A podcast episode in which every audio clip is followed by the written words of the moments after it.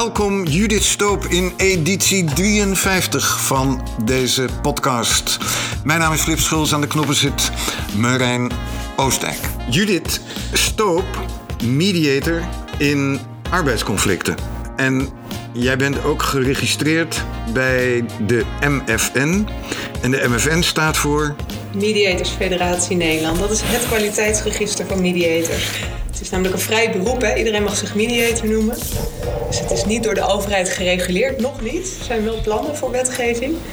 Maar tot die tijd hebben we het MFN-register. Dus dat is door de beroepsgroep zelf uh, ja, jaren geleden in elkaar gezet. En uh, nou ja, dat is het kwaliteitsregister voor mediators. En de overheid werkt uh, uitsluitend met MFN-register mediators. Hoeveel uh, mediators zijn er inmiddels, uh, Judith, in, in Nederland? Is er 2800. Maar het zijn er natuurlijk heel veel meer. Omdat iedereen zich mediator mag noemen. Maar dus 2800 MFN-register mediators. maar je hebt ook interne mediators. Je hebt zelfs op scholen peer mediators. Kinderen die als mediator worden opgeleid. dus ja, uh, als we dat allemaal meegaan. Een bemiddelaarsbuurtbemiddeling is ook iets hè, wat tegenwoordig in alle regio's wel uh, uh, aanwezig is. Dus bij burenconflicten, vrijwilligers die dan gaan bemiddelen.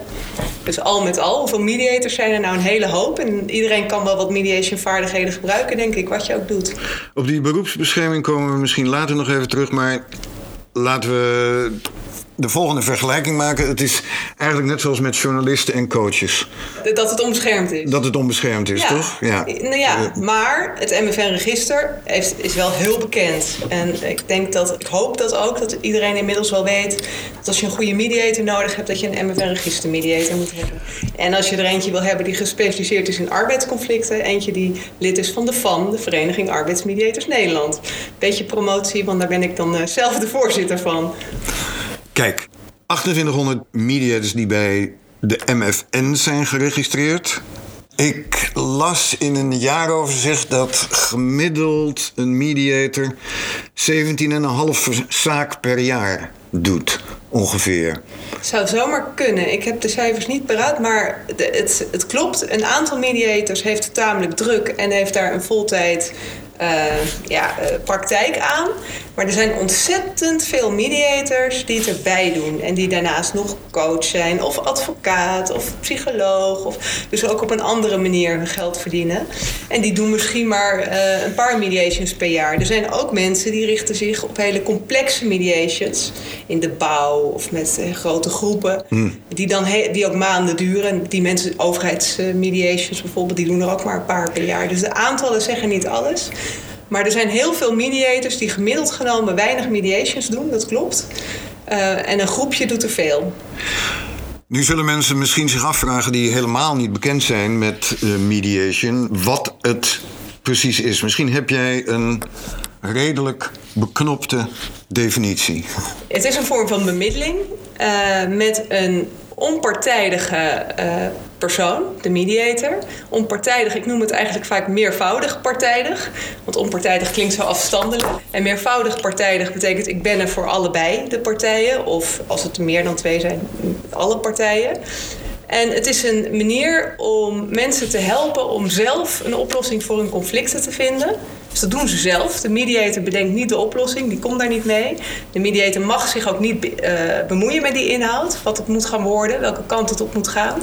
Maar die plaveit als het ware de weg voor partijen om zelf een oplossing te vinden die aansluit bij hun belangen. Dus het gaat ook niet om gelijk krijgen, maar het gaat om samen een oplossing vinden waarmee je verder kunt.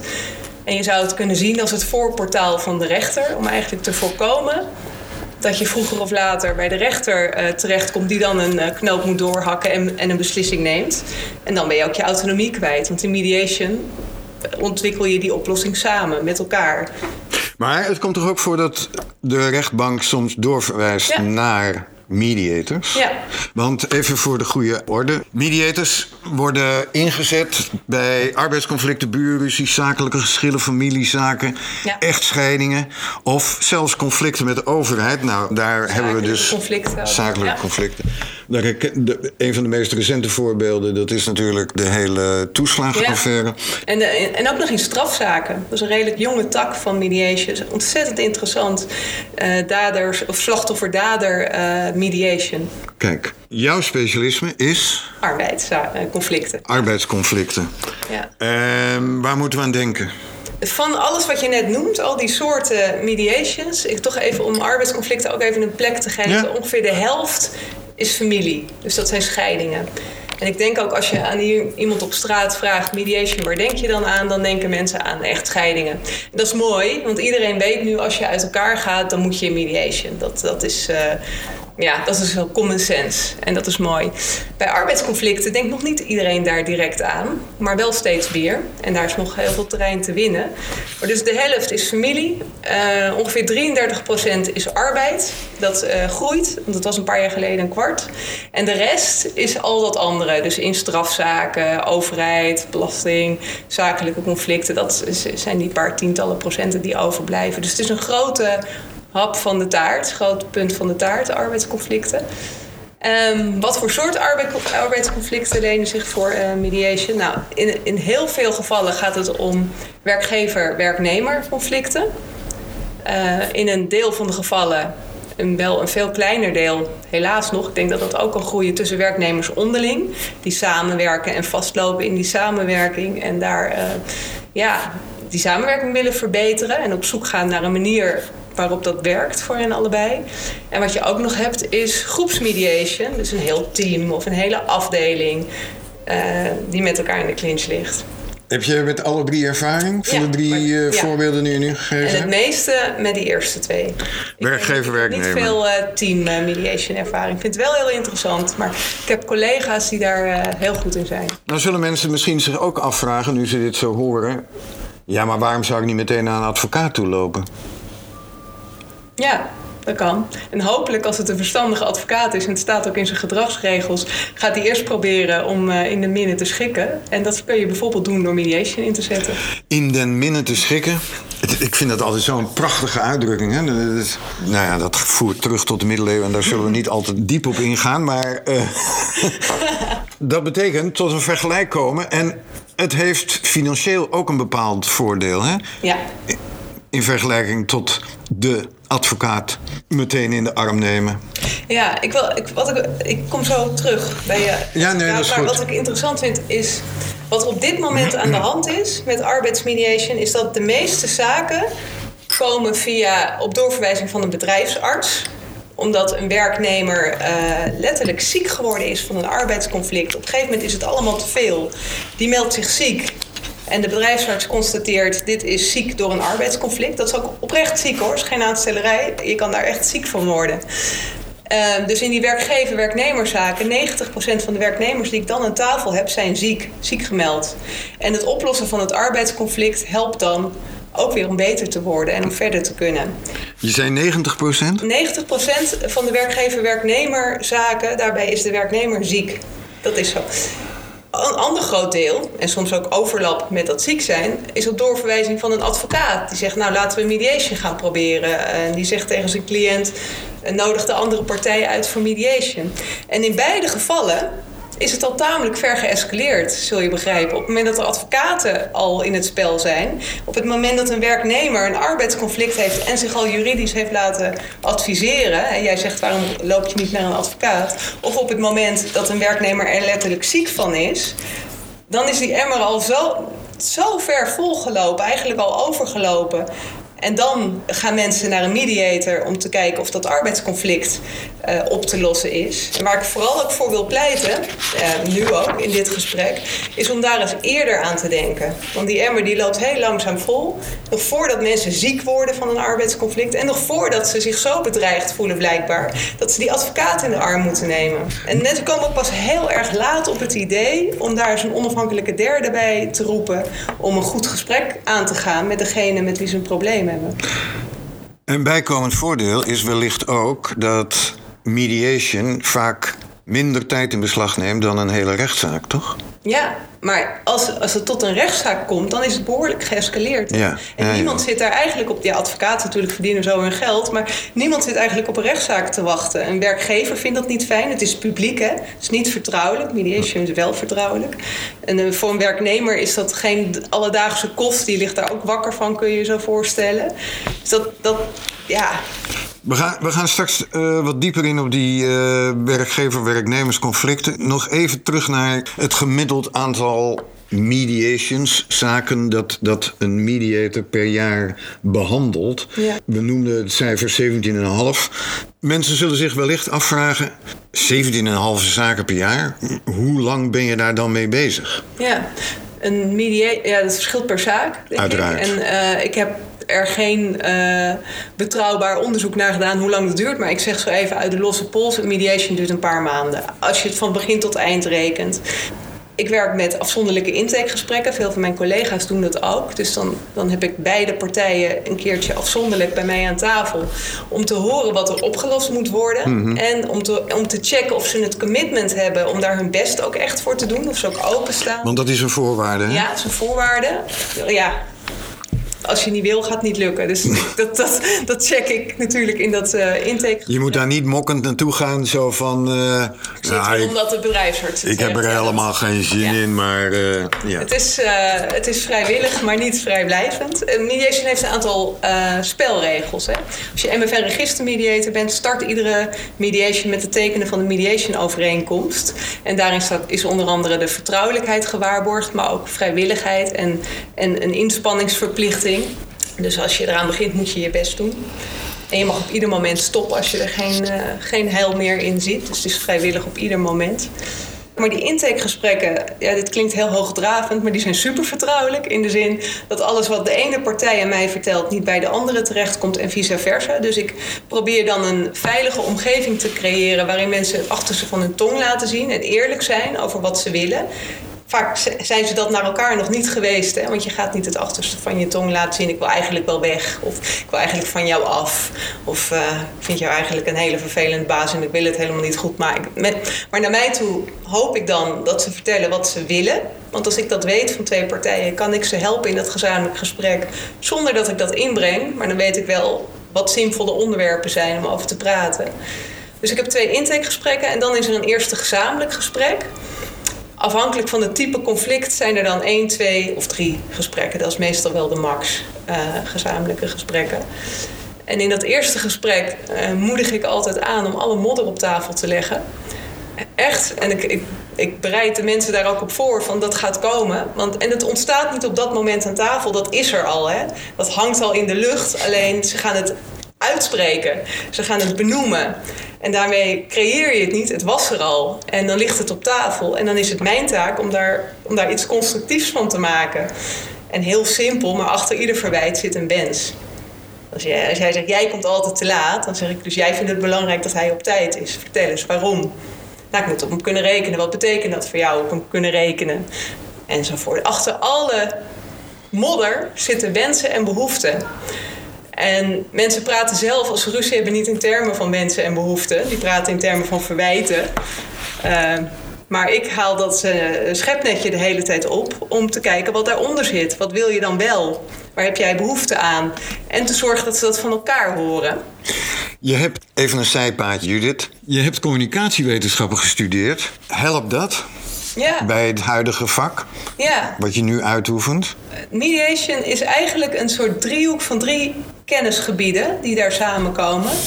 Dat is het recht. Er zijn ook heel veel jurist-mediators. De psychologie. Zijn ook heel veel psycholoog-mediators. En de communicatie. Want vaak is het ook een probleem met communicatie. Uh, dus het is alle drie moet je er kennis van hebben. Dus de juristen moeten zich wat meer bekwamen in psychologische kennis en communicatieve kennis. Ik heb mij wat meer moeten bekwamen in het arbeidsrecht. En psychologie zat ook wel een beetje in mijn studie. Maar, dus dat komt allemaal, die driehoek komt voorbij in de basisopleiding en ook in de specialisatieopleiding richting, uh, nou in dit geval arbeidsmediation.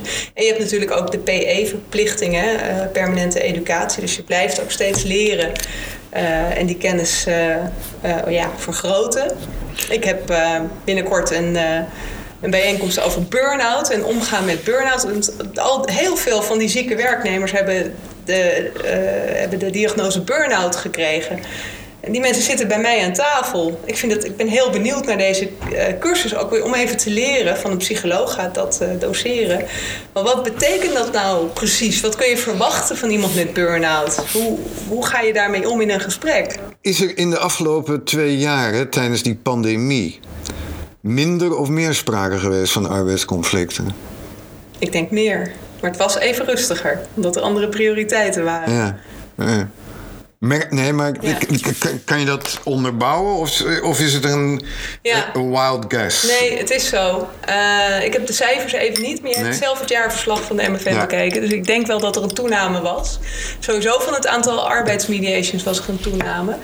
Um, en dat komt denk ik omdat uh, uh, er minder sprake is van wederzijds krediet. Mensen die zijn soms collega's die elkaar nog nooit hebben ontmoet.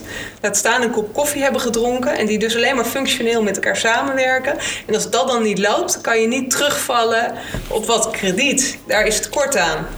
Je denkt, oh, maar ik ken hem. Hij bedoelt het helemaal niet zo als hij dat naar mij mailt. Dat, dat relativeringsvermogen is, is, dat is een beetje uh, minder geworden door dat thuiswerken. Denk jij dat het een, een voorwaarde is voor een goede verhouding, werkverhouding, mm -hmm. dat mensen fysiek met elkaar in contact komen? Ik denk dat dat wel nodig is. Of niet in de mate zoals we dat altijd gewend waren met die vijf dagen per week op kantoor. Maar dat, dat je elkaar af en toe eens ziet en spreekt. En een klein beetje leert kennen ook als mens buiten het functionele werk. De functionele werkinteractie. Ik denk dat dat wel goed is. Dat er sowieso sprake is van beetje verschraling is dat. Is dat het? Wat, wat er, waar sprake van is?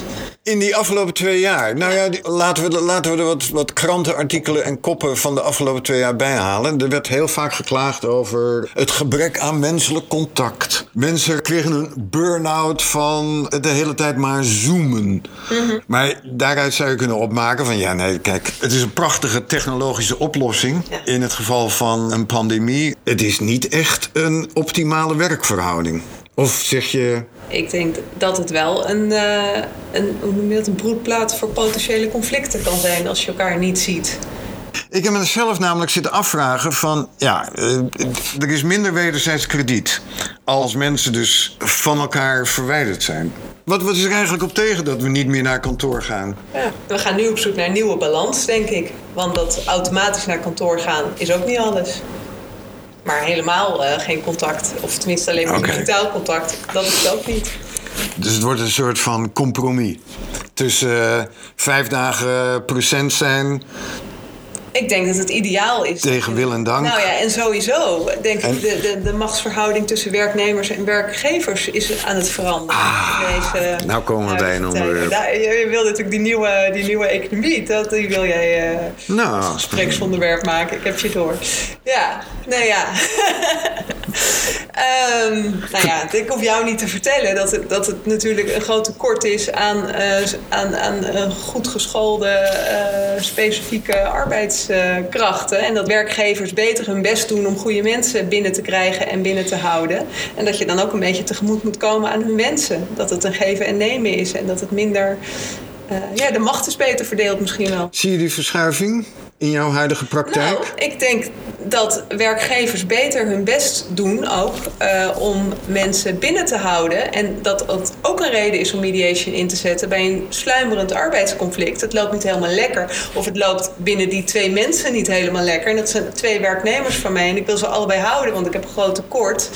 Uh, dus daar moet iets gebeuren. Ik, ik heb nu een mediation lopen op een uh, kinderdagverblijf. En daar werken twee leidsters op een groep met elkaar en dat gaat niet goed. En nou zijn er nog wel meer leidsters, maar er is ook een heel groot tekort aan. En het liefst, en ze zijn ook allebei goed in hun werk. En die werkgever wil ze eigenlijk allebei wel houden. En het wisselen is even niet zo makkelijk om ze uit elkaar te houden. Dat kan natuurlijk ook nog, maar in dit geval is de vraag. Die dames willen ook allebei graag op hun eigen groep blijven. Want zo voelt dat ook. Dat zijn hun kinderen. Dus ze willen ook niet hmm. uit elkaar. Ze, nou ja, dus ze hebben het met elkaar te doen. En dat gaat niet goed en dat is geëscaleerd recent. En nu uh, heb ik gesprekken met ze. Ik zie ze binnenkort weer en ik zag ze vorige week. Uh, om uh, met ze te praten over hun arbeidsrelatie. Met het doel om die te verbeteren. Ze willen allebei niet weg. Dus ze zijn, dat is mooi, gemeenschappelijk belang. Ze willen allebei goed met elkaar kunnen samenwerken. Nou, fantastisch. Als dat doel er al is, dan gaan we er wel komen. Ja? Weet je het zeker? Nee, dat weet ik niet zeker. En daar kun je mij ook niet op afrekenen. En soms uh, uh, is het ook niet in te schatten. Maar ik heb hier wel goede hoop. Maar ze moeten het zelf doen. Dat is mijn verantwoordelijkheid niet. Ik, het enige wat ik doe, is zorgen dat zij constructief, productief met elkaar kunnen praten. Wat mij ook opviel in het gesprek wat ik met ze had, is dat ze heel indirect over elkaar praten. En ook in de, voor, de voorbeelden die ze noemen. Ook als ze bij elkaar zitten? ja, ook in hun, in hun dagelijkse communicatie, de voorbeelden die ze noemen over hoe dingen zijn gegaan. Dat ze dat ze zeggen, nou ik ga even weg of zo. Zonder te overleggen van hoe zullen we dit gaan doen. Het is hele indirecte communicatie. En over elkaar in de derde persoon en zo. En dat is heel boeiend, want dat zie ik dan gebeuren aan tafel. En ik geef dat terug. En dan snappen zij het zelf ook wel. Dat, dat, dat er heel veel ruis ontstaat. En heel veel misverstanden. En dat is wat ze doen. Zo gaan ze met elkaar om. Je zei je begint met intakegesprekken, hè? Ja, per Gesprek. partij, ja. Oké. En dan een eerste gesprek uh, waarin eigenlijk alle modder op tafel komt, wat ik je net vertelde. Ja, alles ja, ja. wat dwars zit. De hele emmer wordt leeggegooid. Ja, dat, dat stimuleer ik enorm. Oké. vooral, uh, kom maar door. Want het is mijn taak om te zorgen dat, dat, iets, dat je daar wat van kan bouwen. Mhm. En ik, het moet op tafel, want alles wat in de lucht hangt, daar kan je niks mee. Mhm. Dus dat, alles wat dwars zit, al die stenen in buiken die mensen hebben, wat te maken heeft met die arbeidsrelatie, eh, je kunt er pas wat mee. Het wordt hanteerbaar als je het uitspreekt en uh, er iets mee doet. En dan in een volgend gesprek Um, dan ken ik dus al die belangen en wensen. Want ik legde je net uit, achter al die uh, verwijten zitten belangen en wensen. En die geef ik ze terug van, ik, heb gehoord, jullie hebben, eigenlijk, je hebt behoefte aan dat, dat en dat. En dit is belangrijk voor jullie. En als ze dat niet herkennen, vullen we dat nog aan. En dan kunnen ze gaan nadenken over oplossingen uh, die tegemoetkomen aan die belangen. Dus het gaat nooit over wie er gelijk heeft. Nooit. Het gaat over hoe vinden we een oplossing die tegemoet komt aan dat wat voor ons allebei blijkbaar van belang is. En jij geeft de oplossingsrichtingen aan. Er zijn er maar drie oplossingsrichtingen. Uh, bij arbeidsconflicten om de wereld even heel simpel te maken. En, en dan heb ik het even over werkgever-werknemer uh, conflicten, mediations. Mm -hmm. Het is of de arbeidsrelatie herstellen. Dus dat zij samen gaan bedenken op wat voor manier zij die arbeidsrelatie duurzaam willen voortzetten. Welke afspraken ze daarover willen maken. Wat ze nodig hebben van elkaar om dat uh, te kunnen. En dan gaan ze werken aan het vertrouwen wat daarvoor nodig is. Dat is de eerste optie. Tweede optie is dat uh, iemand wel bij dezelfde werkgever blijft werken, maar op een andere locatie of in een andere functie. In ieder geval op zo'n manier dat er iets is veranderd waardoor het wel gaat. Dat is de tweede optie. Functie elders. Nee, bij dezelfde organisatie op een andere plek. Of op een andere, in een andere functie wellicht. En de derde is uh, exit, is afscheid nemen. Dat noem je ook wel exit mediation. En dan gaan ze onderhandelen over de voorwaarden waaronder ze mogelijk die arbeidsrelatie gaan verbreken. En meestal verken je ze ook in die volgorde. Je gaat eerst kijken, is het te herstellen? Is er iets te schuiven? En als de conclusie is dat kan niet en ze komen samen tot die conclusie, dan willen ze eigenlijk alle, allebei vaak wel kijken, kunnen we dan op een goede manier afscheid nemen. En daarin verschilt het ook wel weer van naar de rechter gaan, want dat is een strijd. Krijgt er één gelijk, de ander ongelijk. En, en hier kunnen ze zelf onderhandelen. Kunnen we niet, kunnen we niet genoeg benadrukken, hè? dit opmerkelijk verschil tussen een rechtszaak en een mediation. Je, be, je beslist zelf over de oplossing. En niet de, en, niet, en niet de rechter. En niet de rechter en in vertrouwen.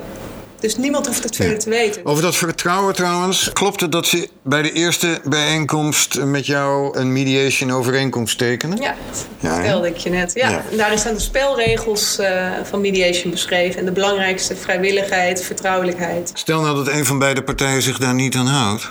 Aan die vertrouwelijkheid. Ja, dat, is een, dat, dat mag niet. Ja. En dan? Dan wijzen, dan, dan, als zodra ik dat merk, moet ik daar wijzen natuurlijk. Want ik ben daarvoor verantwoordelijk. En als, dat dus, als ik merk dat dat echt niet gaat en niet te herstellen is, dan moet de mediation stoppen. Maar ik heb dit nog nooit meegemaakt. Oké. Okay. Nee. nee. Het gaat er ook om om daar even bewust van te zijn. En het even, hè, die mediation overeenkomst loopt je door in het eerste gesprek. Die ligt ik ook toe. Het is goed om even stil te staan bij die vertrouwelijkheid. En die vertrouwelijkheid die, dat, dat kun je zien als een beperking, maar eigenlijk is het juist iets wat heel veel mogelijkheden geeft. Want door die vertrouwelijkheid is er, als het goed is, de veiligheid om over onderwerpen te praten waar je niet zo makkelijk over zou praten buiten die vertrouwelijkheid. Niets van wat je in een arbeidsmediation vertelt, uh, komt in je personeelsdossier, om maar even iets te noemen. Uh, en als jij zegt, ik wil eigenlijk wel weg, ik heb het hier wel gehad, dan is dat ook vertrouwelijk. En mocht die mediation op niks uitlopen en uh, mocht je nog steeds je baan hebben daarna en weer aan het werk gaan, dan kan niemand zeggen, ja, maar jij zei dat je toch weg wilde. Of die werknemer kan ook niet zeggen, ja, maar jij hebt mij toch een voorstel gedaan om van mij af te willen.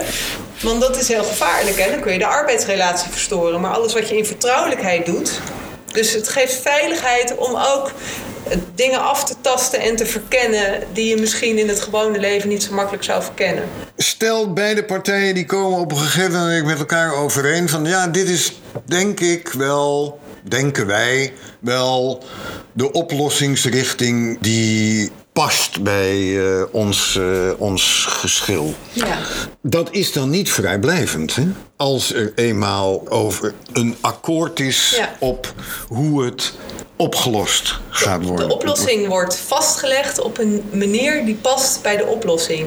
En op het moment dat mensen besluiten die arbeidsrelatie voor te zetten in de, huidige, in de bestaande functie, dus daar eigenlijk niks aan te veranderen, dan kunnen ze hun werkafspraken of hun andere afspraken die ze maken over die, uh, uh, over die voortzetting, die kunnen ze op een papiertje of die kunnen ze in een klein contractje zetten. Ze kunnen het ook op een, in een notitie zetten.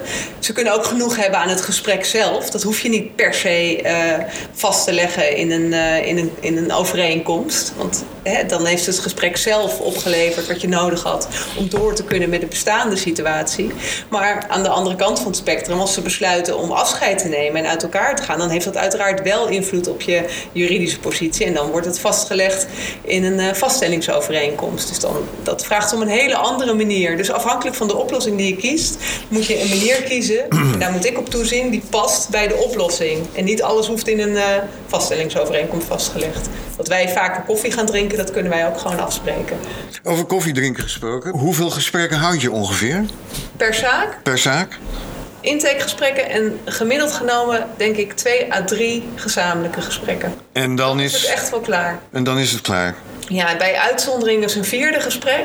Maar als, dan, als er bij het derde gesprek nog geen oplossing in zicht is, dan moet je je echt afvragen of dat wel nut heeft. Heel aantrekkelijk alternatief voor een rechtszaak, hè? Want dat loopt meestal beloopt meestal veel langer. Ja. Veel langere tijd. Ja, dit gaat vrij vlot. Dat is ook. En de meeste arbeidsmediation komen tot een oplossing. Ik denk wel 9 op de 10 het, het komt heel zelden voor dat mensen er niet uitkomen en geen oplossing vinden. En als ze een oplossing vinden, dan is, dat, dan is dat dus een oplossing waar ze allebei achter staan. Anders was het geen oplossing. Dus het is een voldoende goede oplossing voor die partijen. Dus het is eigenlijk heel bemoedigend. Ik heb vaak mensen aan het begin aan tafel die het heel zwaar vinden dat ze een arbeidsconflict hebben en ook nog eens arbeidsmediation en waar zijn ze in beland en dat is heftig. Maar kan ze zeggen over een aantal, over een paar maanden ligt dit achter je en hoogstwaarschijnlijk met een oplossing. Ik geef geen garanties, maar dat is hoe het gaat. En dan, dat is wel bemoedigend, want dat is hoe het gaat. Het gaat, het gaat voorbij. Durf jij te zeggen van de tien zaken die je behandelt, hoeveel je er tot tevredenheid van beide partijen? Ja, ik denk negen ongeveer. Nou, in die zin, ik denk de tiende stopt uh, omdat ze er niet uit gaan komen. Omdat, omdat ze bijvoorbeeld per se gelijk willen hebben. Moet je naar de rechter. Krijg je nooit bij mediation. Mm. Als je vindt dat je gelijk hebt en je wilt daar een uitspraak over... dan zit je bij de mediator verkeerd. Er is een vergoeding voor, hè? Eventueel. Ja, dat klopt. Dus... Maar bij arbeidszaken speelt dat eigenlijk niet. Dat hm. speelt met name bij familiezaken. Okay. Een toevoeging is er vanuit de overheid. Maar bij arbeidszaken is het uh, de ongeschreven regel. Het staat namelijk niet in de wet dat de werkgever de kosten voor mediation draagt. Ik heb het ook nog nooit anders meegemaakt. Judith Stoop, als mensen contact met je willen opnemen omdat ze denken van nou, ik heb wel iets uh, lopen waarvan ik denk dat uh, daar mediation bij nodig is, dan kunnen ze je vinden op geschiktmediation.nl. Ik heb kantoor in Naarden aan de A1, heel goed bereikbaar, goed parkeren. Geschikt mediation, één woord.nl. Judith Stoop, hartelijk dank voor je aanwezigheid in deze podcast. Dankjewel.